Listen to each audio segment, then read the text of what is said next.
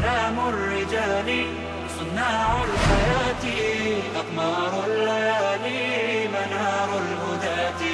علام الرجال صناع الحياة أقمار الليالي منار الهداة. فزالوا سباتي وصاروا بذاتي نشيد الحياة. وصاروا بذاتي نشيد الحياة.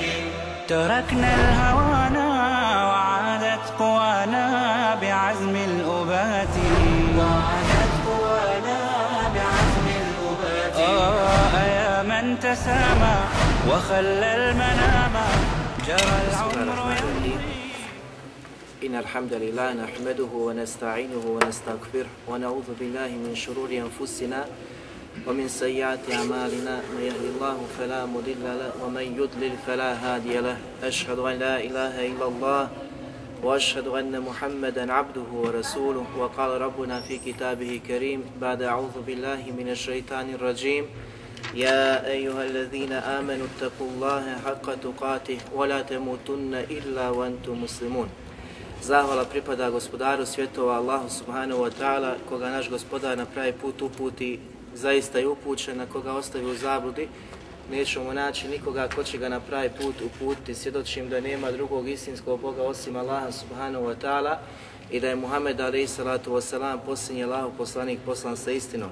Naš gospodar je kazao u svojoj plemenitoj knjizi, Ovi koji vjerujete, bojte se Allaha subhanahu wa ta'ala istinskom bogobojaznošću i ne umirite nikako drugačije osim kao muslimani.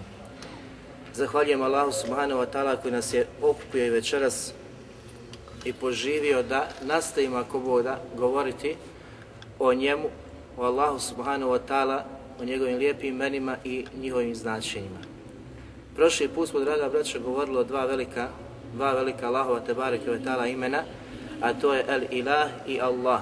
Večeras ako Bog da ćemo govoriti o isto tako jednom imenu koje je jako značajno i važno, a to je Rab.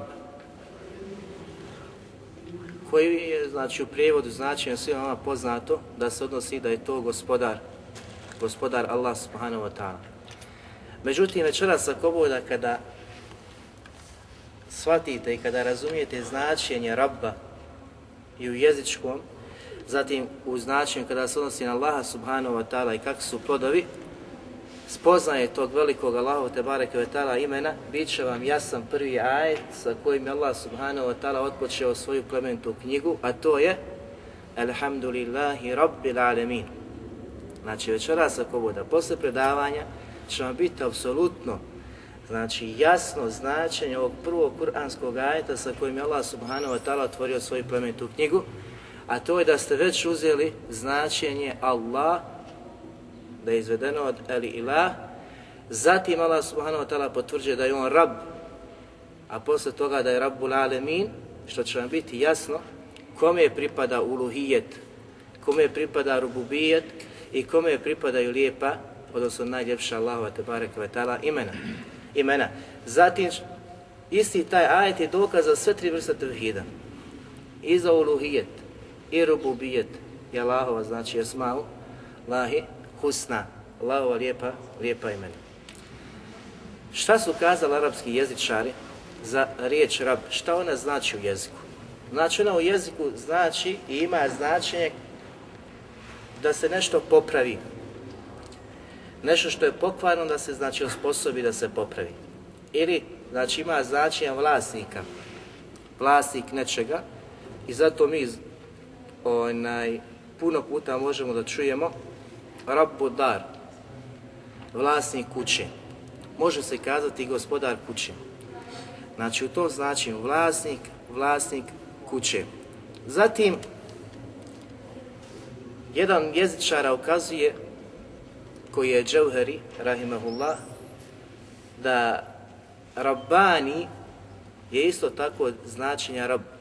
Šta znači Rabbani? Mi puno puta čujemo da se opisuje određeni alim, učenjak, da je to alimu Rabbani. Kada saznamo značenje Rab u jeziku, značemo znači zašto se taj alim naziva da je on Rabbani. Zašto nije sva lemar da su oni Rabbani i oni znači? Zašto? Zašto se uvijek istakne određeni alim da je poznat po tome? I zato kada danas govore o velikim učenjacima, kažu na primjer za Ševnu Baza, Rahimahullah, da je bio alim Rabbani, da je bio Ševu Semin alim Rabbani. Zatim, onaj, svi drugi učenjaci koji su istaknuti bili u svojoj davi, u svom pozivanju, u svom znanju, da su oni bili, znači, alim Rabbani. Allah te bareke ve u svojoj knjizi kaže: "Walakin kunu rabbaniyina bima kuntum tuallimuna al-kitaba wa bima kuntum tadrusun." Kaže, ali vi, Allah te bareke ve kaže, budite rabbani, učeni i pobožni. Što znači rabbani, znači onaj koji je učen i koji je pobožan, zbog toga što vi, znači, učite knjigu i što istu tu knjigu, odnosno toj knjizi druge podučavate. Znači, alim rabbani znači čovjek koji je učen, učen i koji je pobožan, a zatim zna kako na druge znači prenijeti, kako druge odgojiti. Jer jedno značenje u znači jeziku jeste e, e, odgoj, znači terbija, da ima značenje terbije, odgoja. I ovdje sada znamo zašto Alim je Rabbani, on je učen i pobožan, znači šarijanskim znanjem je okićen, a u isto vrijeme zna kako druge podučiti. Kako drugima, znači, prenijeti. Kako i odgojiti, znači, što se zove, znači, postepenost u pozivanju, postepenost u, znači, podučavanju, dok ta određena osoba ne oskoči na onaj nivo koji je željen, znači, kod alima koji, koji podučava. Tako da vidimo, znači, da ima u jeziku učenog, pobožnog, onaj koji se pridržava propisa Allahove te bareke vetala vjere, isto tako znači ima značenje odgojnog karaktera koji zna kako druge, kako druge odgojiti. Zatim, Rebabtul Kaume u arapskom se kaže što ima značenje, bio sam iznad ljudi, znači folk, da si iznad nečega, ima isto tako značenje rab u arapskom, u arapskom jeziku. Tako da vidimo da su tri poznata značenja, a to je da je vlasnik nečega, kao što smo kazali vlasnik kuće, Rabbudar, zatim da je to gospodar kao što je u riječima Jusufa alaihi salam. I ovome ćemo govoriti tako bolje, gdje kaže Ja sahibe je emma ehadukuma fe jezqi rabbehu hamra. Kada se obratio, znači prijatelju koji je bio sa njim u zatvoru i kazao što se tiče tebe, ti ćeš pojiti svoga gospodara vinom. Odnosno, ti ćeš točiti svome gospodaru vino koje će on piti. I ovdje Allah Đelešanu kaže fejeske i rabbehu. I on će, znači, ovo su riječi usva, i on će točiti vino svome gospodaru. Što ima značenje u jeziku, da je to tvoj vlasnik, gospodar kojem se ti pokoravaš, odnosno čije naredbe izvršavaš u smislu, znači pretpostavljeni, pa mu ti znači pokoran u tome kao što je ovdje znači slučaj sa onaj navjesnikom Misra. Zatim treće značenje da je to popravljanje i odgoja nekoga ili nečega i imam Kurtubi dodaje četvrto značenje, a to je rab onaj koji se obožava. Znači onaj koji se obožava. Pored ova tri značenja koja se mogu znači prenijeti na ljude, na mase, na zajednicu, četvrto značenje pripada samo Allahu te bareke a to je da je rab onaj koji koji se obožava. Koliko se puta spominje ovo plemenito Allahu te bareke ime u Kur'anu? Učenjaci kažu da se spominje na 151 mjestu kada se e, odnosi u jedini, znači na 151 mjestu se spominje, spominje u Kur'anu. Primjer toga smo navali Alhamdulillahi Rabbil Alamin. Znači prvi ajet u suri Fatihi, zatim kada je Allah te bareke kazao Ibrahimu iz qala lahu rabbuhu aslim qala aslamtu li rabbil alamin kada mu je kazao njegov gospodar budi pokoran on kaže pokoravam se i predan sam kome rabbul alamin Znači oslovio je gospodara Tebare Kvetala da je Rabbul Alemin gospodar, gospodar svih svjetova. Zatim poznat ajed je Allah Tebare Kvetala kaže Kul inna salati wa nusuki wa mahjaje wa mamati lillahi Rabbil Alemin. Reci svi moji obredi, moj namaz, moj život, moja smrt, kome pripadaju? Pripadaju Rabbu, gospodaru svjetova. I treba znači da se obrati pažnja kada Allah te barek tala opisuje ili propisuje neke propise, govori o propisima koja su to imena koja koristi u tim trenucima. I vidimo znači ovdje kada opisuje koristi sva Rabbul Alemin. Znači da pripada tvoj život, tvoj namaz, tvoja smrt, samo Allahu te barek tala gospodaru svjetova. Znači kompletan tvoj život, cjelokupan treba da bude radi Allaha i u službi znači njegove te bareke vetala uzvišene, uzvišene vjere. Imam Taberi Rahimahullah kada je govorio o značenju ovoga imena kada se odnosi na Allaha spomenuo znači ove tri prve stvari koje su mi naveli u jezičkom značenju. Da je, ima znači, znači vlasnika, vlasnik nečega, zatim gospodar kojim se pokorava, onaj koji popravlja ili odgaja nekoga i nešto, pa kaže naš gospodar, Đalde Đelaluhu, znači poslije ovih navedenih stvari je gospodar kojem ništa nije slično u njegovoj vlasti. Ovdje dolazi do izražaja, znači značenje rububijeta, koje mi stalno slušamo, znači šta je rububijet? Znači izdvajanje Allaha te barek u njegovoj jednoći u znači gospodarstvu i upravljanju svim znači stvarima u stvaranju odredbi i sprovođenju toga. Znači ovdje kaže znači da ima značenje kojem ništa nije slično u njegovoj vlasti. Apsolutni znači vlasnik koji upravlja svim znači stvorenim. Zatim kaže, on je taj koji popravlja stanje svojih stvorenja. Kako? Kaže, obasipajući im sa milošću neizmjernom.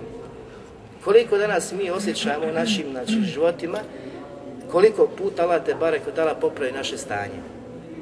Izgubiš neku blagodat Allah Žešantjera dokradi gdje se ne nadaš. Znači, s te strane Allah te barek dala popravlja naša, naša stanja. Vidjet ćemo znači, šta znači posebna pažnja i posebna vrsta odgoja koja Allah te barek tala pruža kome svojim evlijama koje ćemo navesti kada budemo govorili o plodovima imana spoznaje ovog velikog imena. Zatim kaže, on je taj koji posjeduje stvaranje i upravljanje. Iz ovog, znači, njegovog govora vidimo da je Allah te barek tala taj kojem pripada u istinu taj potpuni rububijet. Gospodarstvo, upravljanje, znači u svemu tome, jer on određuje i upravlja tim. Allah koji je stvoritelj svega toga, zna kako će sa tim svim stvarima upravljati. Zatim Ibn Kesir Rahimahullah kaže da riječ rab označava onoga koji posjeduje i može da raspolaže tim što posjeduje. To je pravi rob, gospodar. I kaže ne upotrebljava se sa određenim članom po pitanju stvorenja. Znači ne može se kazati za stvorenja da se nazovu Rab. Može samo doći u genitivnoj vezi, kao što smo kazali, znači na početku Rab Budar, vlasnik kuće, gospodar kuće, ni u kojem slučaju, znači ne može se za stvorenje osloviti, niti se nazvati sa ovim Allahovim Tebare Kvetala uzvišenim imenom Rab. A na kraju ćemo vidjeti hadis poslanika sallahu alihi vseleme kada zabranjuje da neko nazove znači svog vlasnika, znači rob, da nazove vlasnika rabbi, došla je zabrana, mi ćemo pojasniti hadisa kraju ako bude. Zatim Abdurrahmane Sadi rahimahullah, jedan od šehova, šeha ibn Sejmina rahimahullah, je kazao rab je onaj koji odgaja sva svoja stvorenja, vodi brigu o njima određujući svima njima različite blagodati. Ovo je jedna od najljepših znači, definicija po pitanju kada se odnosi na Allaha te barek Kaže, posebno se izdvaja iz svega toga odgoj i popravljanje njihovih duša i njihovih srca. To jest moralni osobina. Pogledajte, znači, na što ukazuje. Kaj to je razlog što se ovo Allahovo te barek ime često i mnogo puta spominje u njihovim dovama, jer oni upravo ovu vrstu popravljanja traže od njega.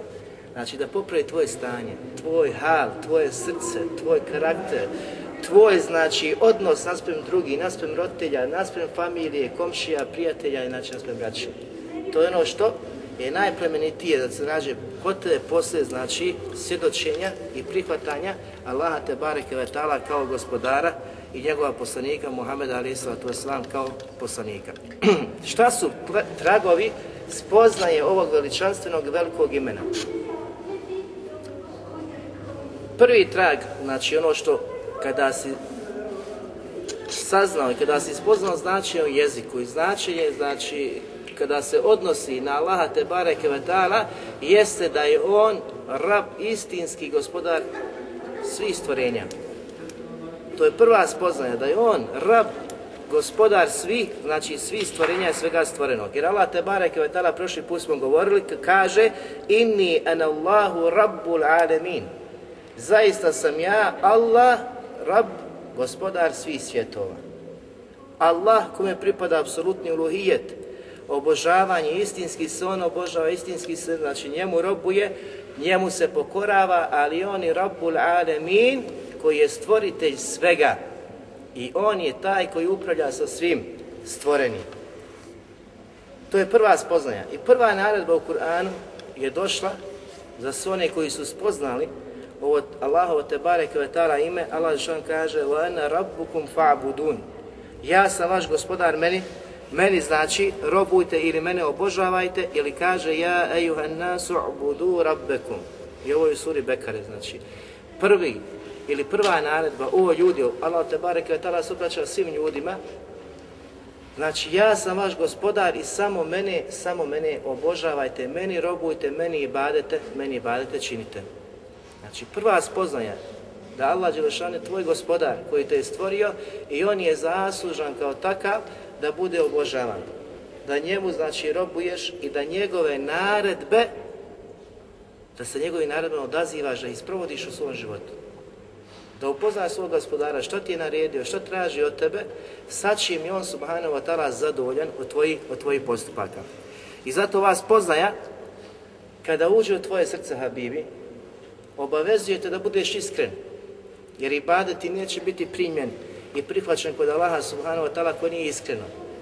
Ovo što traži od tebe da ga obožavaš, traži da ga obožavaš, znači kao muhlis, onaj koji je iskren u svim svojim dijelima, da nema primjesa širka, da se odreće svi vrsta širka, svih znači lažnih idola, svi lažnih božanstva, svega onoga što iziskuje i traži pažnju kao što to traži Allah subhanahu wa ta'ala.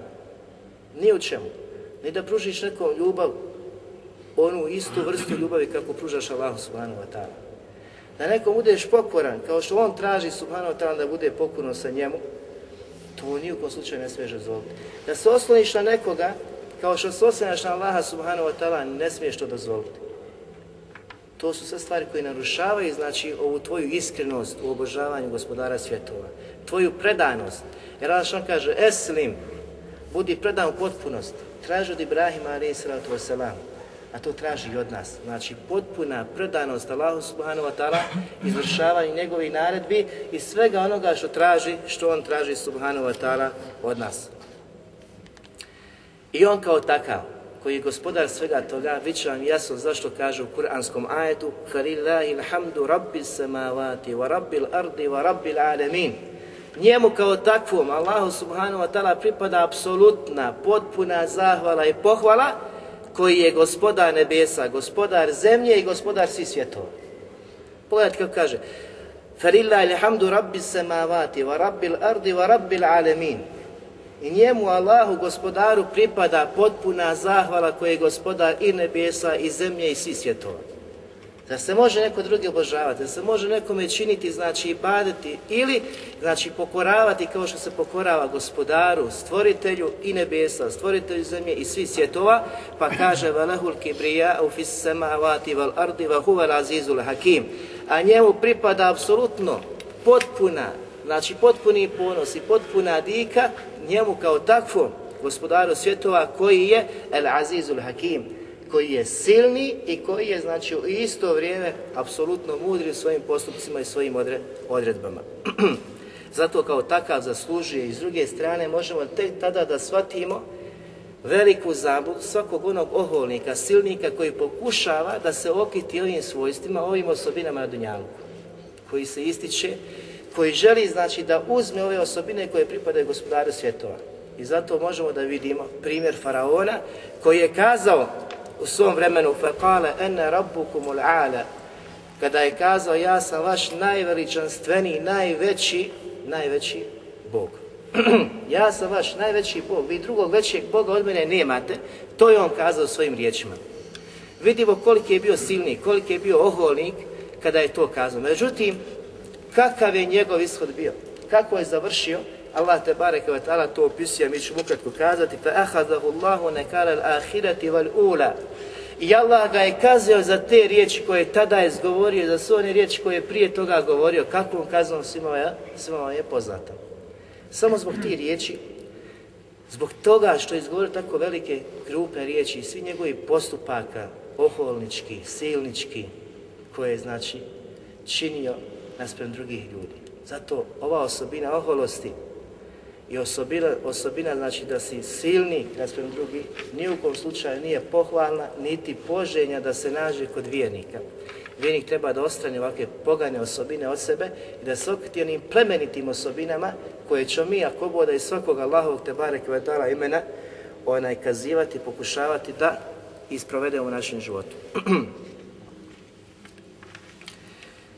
Od plodova spoznaje ovog velikog Allahovog te barek vetala imena, da je on gospodar koji je zaslužan da se obožava, da se njemu robuje, koji je stvorio sve ovo, dragi brate, jeste i to, znači da si svjestan činjenice da si ti samo jedno od Allahovi te barek vetala stvorenja. Kada pogledaš kolika su nebesa i kolika je zemlja i ono što je na njima i u njima, vidjet ćeš koliko si ti. I kao takav opet se obdare na svim tim drugim stvorenjima, sa razumom. Allah Đelšan ti je dao pamet da možeš, znači moć govora, da možeš razgovor dobro od zla i isti si taj koji, kojem Allah Đelšanu spušta ovaj šarijat. Šalje poslanike kao milost, knjige kao milost, da bi slijedio, da bi bio pokoran, da bi se pridržavao i na kraju ti je stvorio i džennet koji je kao vječna kuća uživanja. A na Dunjalku se počinio. On subhanahu wa ta'ala. I zato treba obratiti pažnju na tu činjenicu. Zatim kada ta spoznaje uđe u tvoje srce, da je on subhanahu wa ta'ala tako znači uzvišen, tako velik gospodar i stvoritelj svega toga, tek u tim trenucima Habibi, kada budeš toliko ponizan, naspram njegovih propisa, njemu pokoran, osjetit ćeš onu slast imana koju poslanik sallahu alihi vseleme nagovještava u hadisu.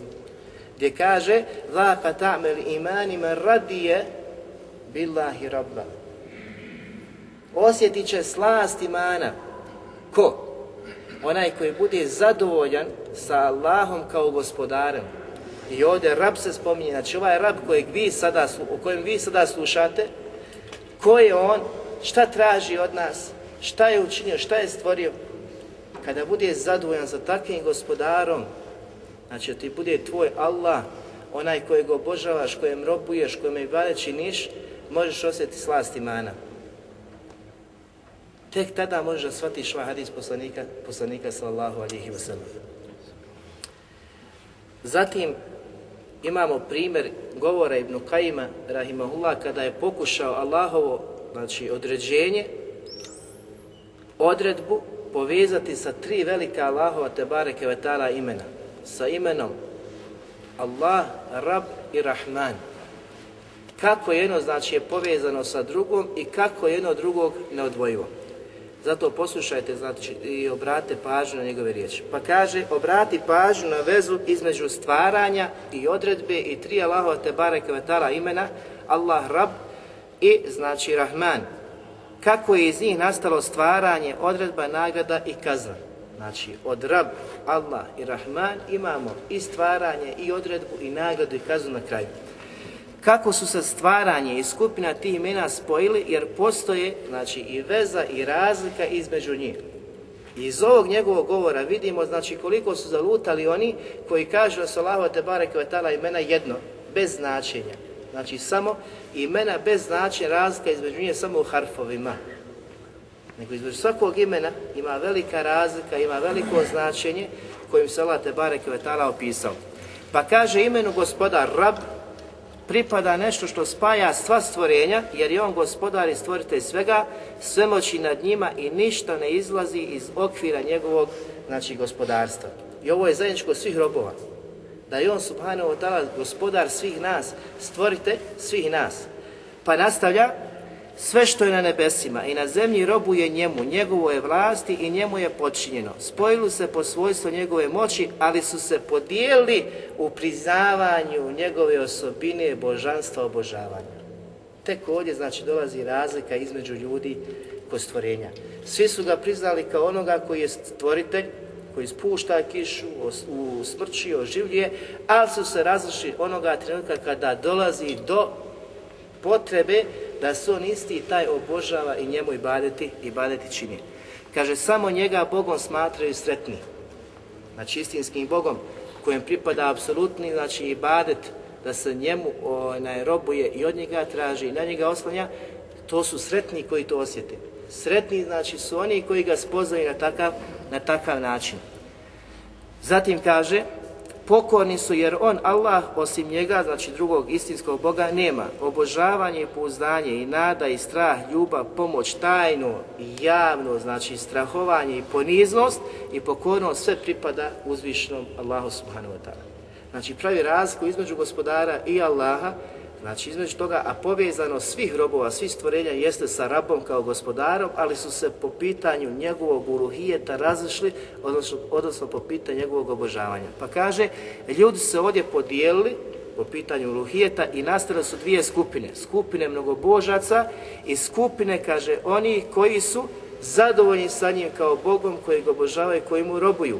Skupina mnogobožaca, koja će u vatru i ova druga skupina sretniji, koja će, koja će u džennetu. Zatim kaže, objavljivanje i uspostava vjere i zakona, narede i zabrane proizilaze iz svojstva božanstvenosti ilahije, a stvaranje i činjenje njegovog uređenja i djelo pripadaju svojstvu njegovog rububijeta, gospodarstva. Nagrada i kazna, dženet i džehenem odlikuju svojstvo vladara. Znači, ko je taj koji je gospodar, stvoritelj svega toga, koji je obavezan da se obožava, je isti onaj koji je gospodar, koji upravlja svim tim, koji je vladar svega toga i koji može i koji je u moći da sutra kazni onoga koji mu je pokoran, odnosno nepokoran i onog da nagradi koji mu je pokoran u znači, činjenju i badeta. Zatim kaže on je vladar sudnjeg dana, naredio im je da njega za Boga uzimaju, pomogao im je i dao im je uspjeh, spominje sve vjernike, dao im je uspjeh, uputio je neke, a neke u zabludu odveo svojom moći. Pa kaže, nagradio je i gazio svojom vlašću i pravodnošću, svaka od navedenih stvari neraskidiva je od drugih. Znači one su povezane. I sve se vraćaju Allahu te bare koje je tala da je on kadir koji je odredio, znači kada sve ono što će biti, kako će, kako će biti. I mi smo samo znači rezultat toga što se znači dešava. Što se tiče kaj njegovog imena Rahman, odnosno njegove milosti, ona je vezivanje uzrok koji stoji između Allaha i njegovih robova. I ovo je jako bitno. Pa kaže oni sa svoje strane njega priznaju kao istinskog Boga koji se obožava, njemu robuju, od njega pomoć traže i on je, a on se kaže njima javlja kao gospodar, rab. Znači, koji je zaslužan da mu se i bade čini. Zatim je milost je uzrok koja spaja njega i robove, zbog nje im je slavo poslanike ispuštao knjige. Znači, iz te svoje milosti, što je Rahman, to čini prema svojim stvorenjima. Zatim kaže, zbog nje je uputio i svoje milosti nas je uputio na stanje u kući koja će kao nagrada biti za njih, obskrbio, oprostio im, blagodatim svoje podario. Sve i svoje apsolutne, potpune milost prema svojim robovima. Između njih i njega postoji uzrok. Znači nije to tek tako. Uzrok postoji koji je između njih i njega zbog kojeg ga obožavaju. A zatim između njega i njih je uzrok zbog kojeg im ukazuje milost. Onaj koji uđe u žene uči za Allahove milosti, neće drugačije ući, osim sa Allahovom milošću. Ali da bi Allah ukazao svoju milost prema svojim određenim robovima, mora biti uzrok. No kaj im to tvrdi i svi mi smo svjesni toga, a uzrok su dobra djela.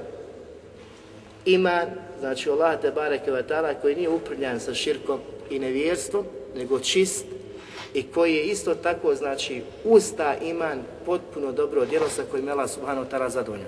Zatim kaže, to što se na istom mjestu spominje da je on gospodar svega toga i da je on znači milostiv, može se dovesti u vezu sa činjenicom da se uz njegovo uzdizanje nad aršom spominje, znači isto tako njegova milost. Ar-Rahmanu al-Arši.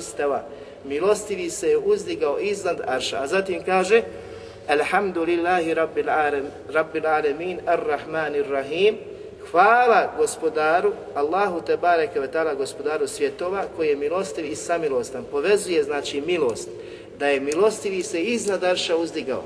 a zatim da je on rab koji je gospodar svega onoga što je stvorio, pogledajte, opisao se kao milostivi, koji se uzdigao iznad naša. U isto vrijeme on gospodar svih svjetova, što ukazuje njegovu moć, veličinu, ali isto tako kolika je njegova moć u njegovom stvaranju, njegovoj odredbi, znači njegovim upravljanju, tolika je njegova milost, jer je on takav kao milostivi se uzdigao, znači iznad, iznad Arša.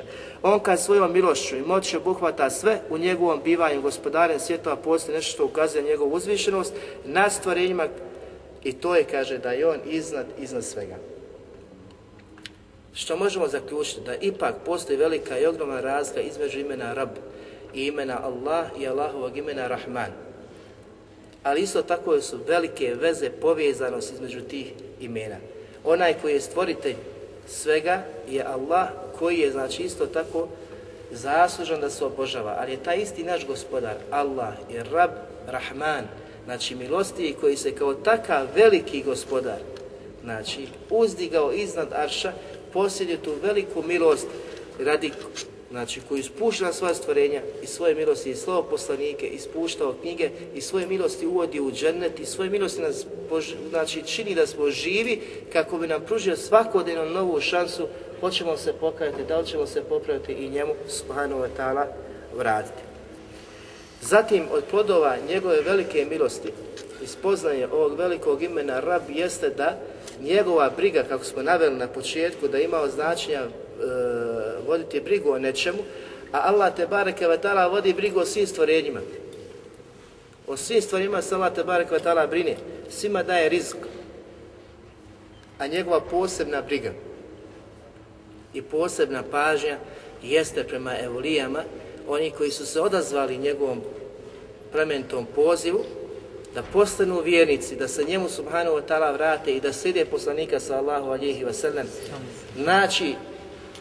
Pojašnjava kroz to da je te iste ljude uputio, izvao iz zabude, iz tmina na svjetlo, iz nevjerstva, znači u čistu plementu vjeru Islama učinio ih da priznaju Allaha subhanahu wa ta'ala kao gospodara.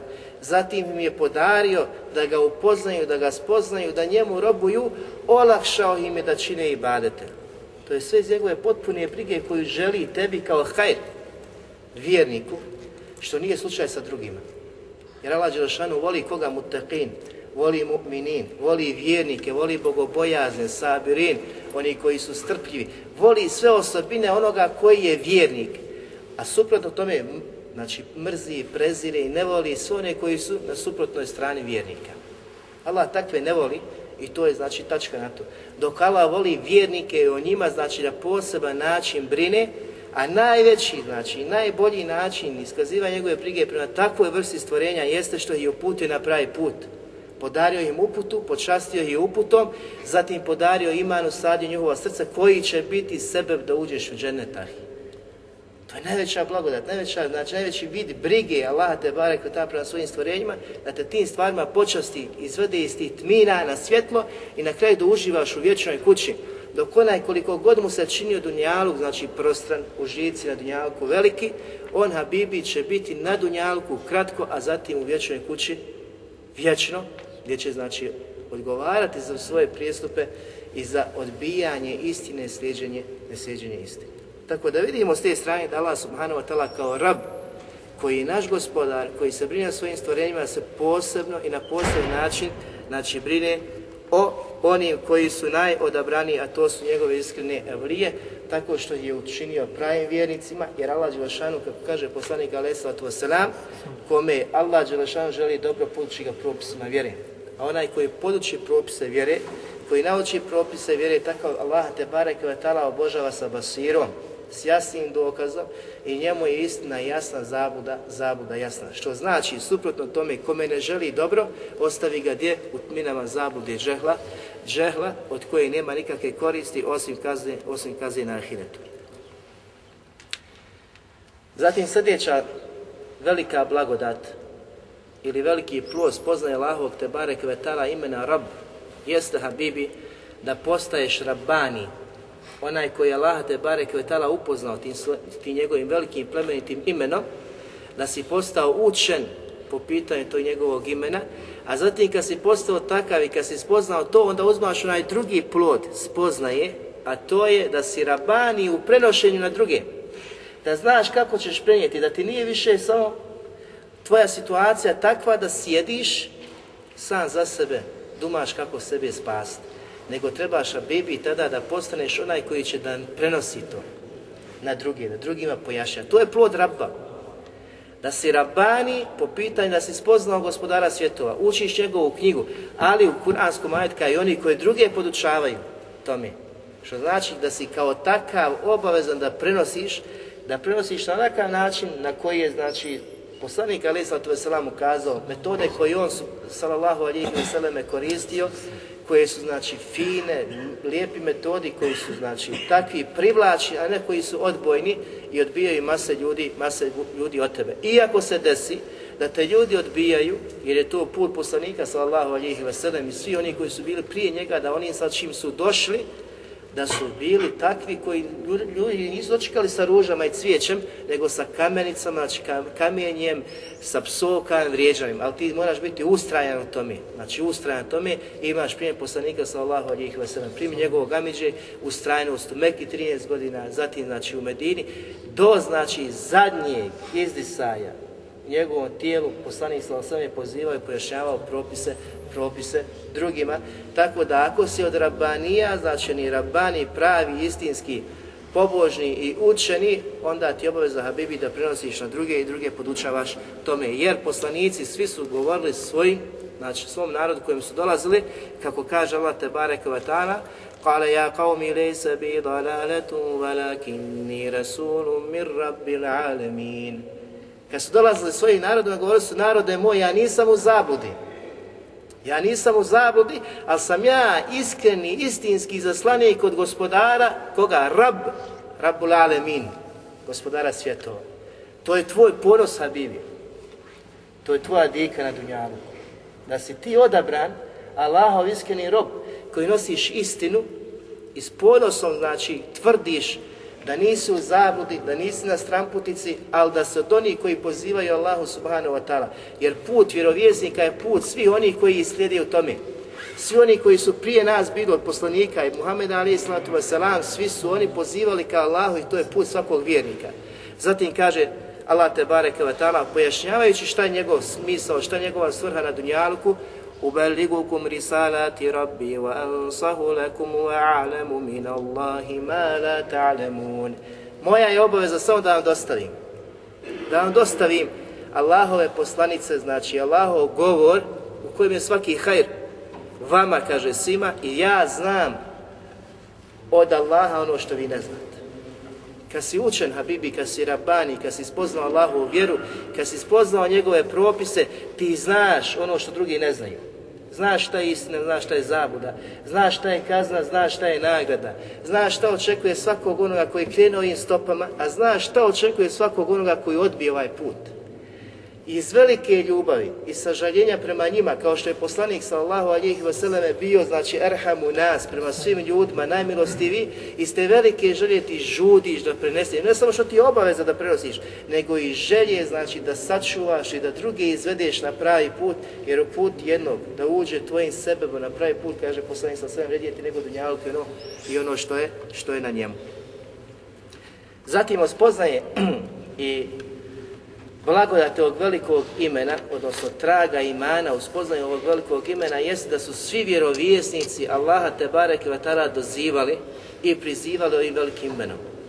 Kako Imam Kurtobi kaže, itifak, znači svi su složni da je Allahu te barek i ime. Nema znači nijednog alima koji je pokušao dokušti i svrstati što, koja su Allahu te barek i imena koja nisu da, znači od udara od toga. Svi oni tvrdi da je Rab Allahu te barek i ime. Imamo primjer, znači, u Ademu, ali salatu wasalam, kada se ogriješio, i on njegova žena kada su kazali Kala Rabbena zalemna anfusana wa ilem tagfir lana wa tarhamna lanakunanna minal hasirin. Kad su njih dvoje, znači učinili ono što su učinili, šta su kazali poslije toga? Gospodaru naš, prvo su kazali Kala Rabbena, Allaha Đelešanu su prizvali ovim velikim veličanstvenim imenom, gospodaru naš, zaista su mi nepravdu prema nama samima učinili. Ako nam se ti ne smiješ, ako nam se ti gospodar naš, ako nam ti ne oprostiš, mi ćemo biti od izgubljeni. I svaki od nas, Bibi, ako nam se Allah ne smiluje, je hasir. Propoj i na dunjalku i na ahiretu. A mi molimo Allah te barek da oprosti nama i svim vjernicima. Nuh alaih isto tako je dovio Allahu te barek ovim velikim imenom. Kaže Rabbi gfirli vali validajje vali ma dahala bejtije mu'mina vali mu'minina vali mu'minati la tazidi zalimina illa tebara. Gospodaru, govori prvo Rabbi gfirli, oprosti meni, znači oprosti meni mojim roditeljima i svim onim koji uđu u moju kuću kao vjernici, svim vjernicima, svim vjernicama, oprosti svima njima, a povećaj, znači, onim zalima, zulunčarima, znači samo propast. Dovio je za vjernike, dovio je za sebe ovim velikim Allahovim te bareke wa ta'ala imenom. Ibrahim i Ismail isto tako su doveli Allahu te barek wa ta'ala Rabbena waj'alna muslimeini laka wa min dhurriyatina ummatan muslimatan laka Nije dvojica su isto Allah Đelešanu prizivali velikim imenom. Kada su kazali gospodaru naš učin nas muslimanima. Pogledajte kakve su dove njihove bile, učin nas muslimanima, dva velika, znači Ibrahim i Ismail poslanici. Ibrahim u tom trenutku je znao, znači uči gospodaru naš učini nas, znači pravi muslimanima i od naših potomaka, ummete muslimete lek, čistim, znači pravim, predanim, iskrenim vjernicima, koji će vjerovati u tebe. U arina menasikena wa tub alejna i isto tako nam pokaže na te svoje propise, velike znači znakove tub alejna inneke ente tawwabur rahim. I oprosti nama jer si zaista ti tawwab i ovo znači od edeba dove da znaš kada doviš prizivaš Allah kako ćeš na kraju završiti svoju dovu. Jer si ti onaj koji tawwab mnogo praštaš, voliš da praštaš. Ti si takav i ti si rahim koji si samilostan prema drugima.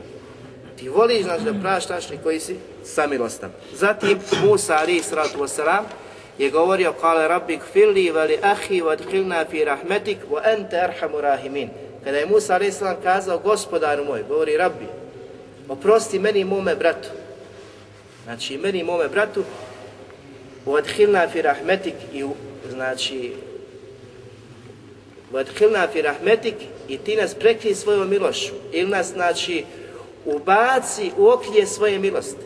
I završava na kraju u ente arhamu rahimin, a ti si najmilostiviji. Znači, Allah te barek je takav da se od njega traži i uputa i oprost i znači svaki hajr jer je on takav, a mi ćemo sva imena koboda pojasniti. Isa alaih salatu wasalam, isto tako Allah te barek vatala dovio, znači vidimo znači da su ovo imena oni poslanika koji su najdobrani. Kala Isa ibn Marijem, Allahumma rabbena anzil alejna maidatan minas samai takunu lana idan li awalina wa ahirina wa ajetan mink. Allahu akbar. وارزقنا وأنت خير الرازقين Kada Isa, sin Merjemin, kazao gospodaru, znači ovdje koristi Allahume Rabbena, gospodaru naš, uistinu su ti naš gospodar. Potvrđuje ponovo poslije toga, enzila lejna maide, spusti s nebesa, znači sofru pred nas. Traži, nešto je on htio da bude, znači to objeđenje za njega, nego za one koji su bili okolo, okolo njega. Mine se majite kunu lena ida, da bude za nas, znači jedan veliki praznik, pa zatim kaže li uvelina va ahirina i prve i posljednje va ajete mink, da bude to veliki znak. A mi znamo što je kazao gospodar posle toga, ja ću je spustiti, a onaj koji bude povjerovao blagoslovljen, koji ne bude njega ću kazati kaznu kako nisam kazao nikoga prije, prije toga. To su veliki znakovi da Allah koji su tražili. Ali je Isa znači zatražio u anta hajru razikin, a ti si onaj koji najljepšu obskrbu daješ najljepše, znači nema razlika, ono koji daje obskrbu mimo Allah te barek vetala, znači poput njega, on najljepše znači obskrbuje. Vidite kako dovi, šta traži, kako završava na kraju svoju veliku dovu.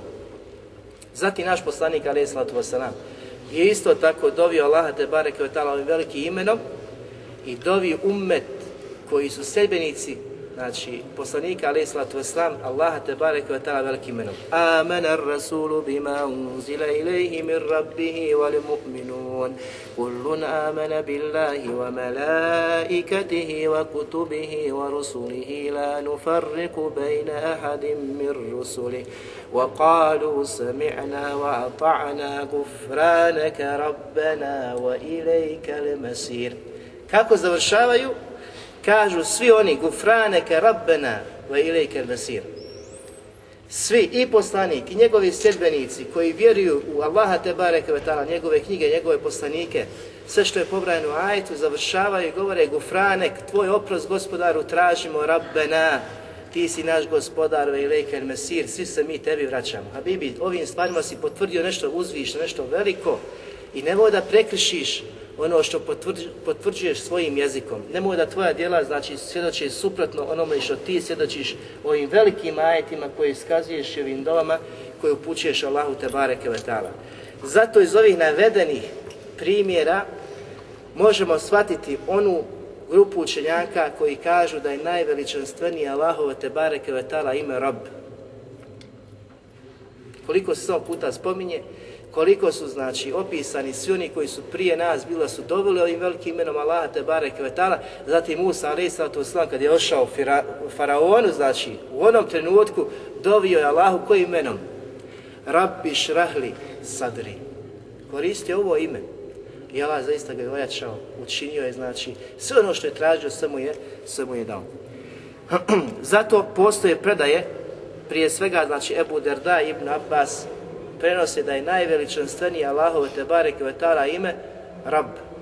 Znači Rabbi, Rabbi. To su ime koje se spominje u ovom hadisu. Međutim, šeha Albani, rahimahullah, kaže za ovaj hadis da je daif, znači slab. I zato mi ovaj, ovu predaju nismo navodili kad smo spominjali najvelič, koje je to najveličanstvenije Allahove te barek vetala ime. Na kraju smo obrazložili da imaju mnoštvo drugih predaja. 40 govora imam Sujuti je napisao u svojoj knjizi i ovo je jedno od tih govora, ali ga mi nismo spomenuli zbog slabosti, zbog slabosti argumenta, dokaza kojim, kojim dokazuju. Zatim predao Dajše radi anha kada kaže kada kaže čovjek ja rabbi, ja rabbi, Allah Đelešanu u tom trenutku kaže odazivam ti se moj robe, traži, ja ću ti dati. Znači ima Munviri, isto tako kaže za ovu predaju da je daiv džidden, znači jako, jako, znači slaba predaja koja ne može, ne može biti, znači nikakav argument. I na kraju ćemo navesti hadis poslanika sallallahu alejhi ve selleme gdje zabranjuje da rob svog vlasnika nazove da kaže rabbi. Znači poslanik sallallahu alejhi ve u predaji koji bilježi Buharija, a i Muslim zabranjuje da rob kaže za svog gospodara rabbi, rabbi, nego kaže, neka kaže se i mevlaja. Neka ga tako oslovi. Sejidi i Mevlaja. Međutim, Sejidi imamo značenje, znači gospodara, Mevlaja staratelj. U arapskom su približnog značenja poput rab, poput gospodara. Zašto je poslanik sallahu alihi wasallam zabranio, znači čovjeku koji je rob u vlasništvu nekoga, da kaže za vlasnika rabbi, nego neka kaže sejidi. Sejidi Znači, po pitanju ovog hadisa e, učenjaci imaju četiri govora. Prvi da je zabrana općenita uvijek u svakom trenutku da neko za nekoga kaže gospodaru moj. Rabbi za nekoga kaže ti si moj gospodar. Nema. Drugi govor jeste da onaj je ova zabrana došla iz edeba prema Allahu subhanahu wa ta'ala. Lijepo godosla nas prema Allahu subhanahu wa ta'ala. Zašto? Zato što to pripada samo gospodaru svjetova. Svi oni kažu da ova riječ ukazuje na ta'zim, na veličanje dotične osobe, a to veličanje pripada samo gospodaru svjetova, jer je on rab. I zato kažu iz edeba, znači da to nije lijep odnos prema Allah, da nazivaš nekoga i dozivaš, oslovljaš kao rab i gospodar, nego kaži se idi. Međutim, postoji problem, zato što drugi hadis koji bilježi muslim, kada su došla grupa ashaba rekla poslaniku ti si sejiduna, ti si naš sejid, nazvali su ga to, rekao ne, ja nisam, ne oslovljavajte me tako, nego je Allah as-Sayyid. I ovdje je došao određeni član, zato učinjaci kažu, jer ovo je dokaz iz suneta koje ćemo mi navoditi, da je do Allahovi lijepih imena i ime je Sayyid. jer je potvrđeno u ovom vjerodostojnom hadisu, ali nije znači, potvrđeno u Kur'anu. U Kur'anu nema tog imena.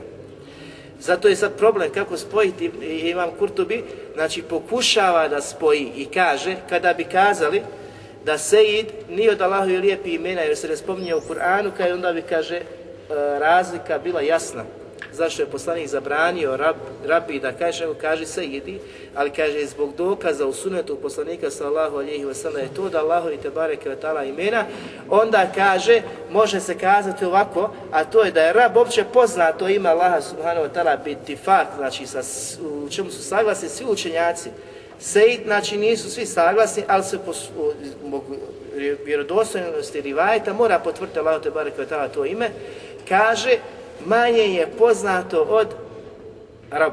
Sejid je manje poznato znači od rab, tako da kaže opet postoji, postoji znači onaj kako se zove razlika. I sljedeći govor učenjaka jeste da je zabrana došla kako ne bi čovjek olahko shvatio i za svaku sitnicu znači rob od, nazivao svoga, znači vlasnika, rabi, rabi, daj mi, dodaj mi, rabi ovo, rabi ono, zato što to pripada Allahu subhanahu wa ta'ala i ovdje se, kaže, ukazuje velika briga poslanika sa Allahu alihi vseleme za očuvanjem tevhida, ispravnog poimanja i svatanja, znači Allahove te bareke vetala jednoći njegovog prava, u uluhijetu, u rububijetu, njegovim lijepim, lijepim imenima. Tako da su znači akvali po pitanju ovoga, ovoga hadisa poslanika sallahu alihi vseleme, da je zabranio, da je zabranio znači da se oslovlja vlasnik sa rabbi, nego da kažu sejdi ili mevlaja. Toliko za večeras molim Allah subhanahu wa ta'ala da oprosti nama i vama, da ukabuli naš trud, da ovo nađemo na ovak dobrih dijela, da nas učini pravim vjernicima, nas, naše potomke, da oprosti nama, našim roditeljima i svim muslimanima, subhanika Allahu hamdika, šadu la ilaha ila ente stakvrka, tu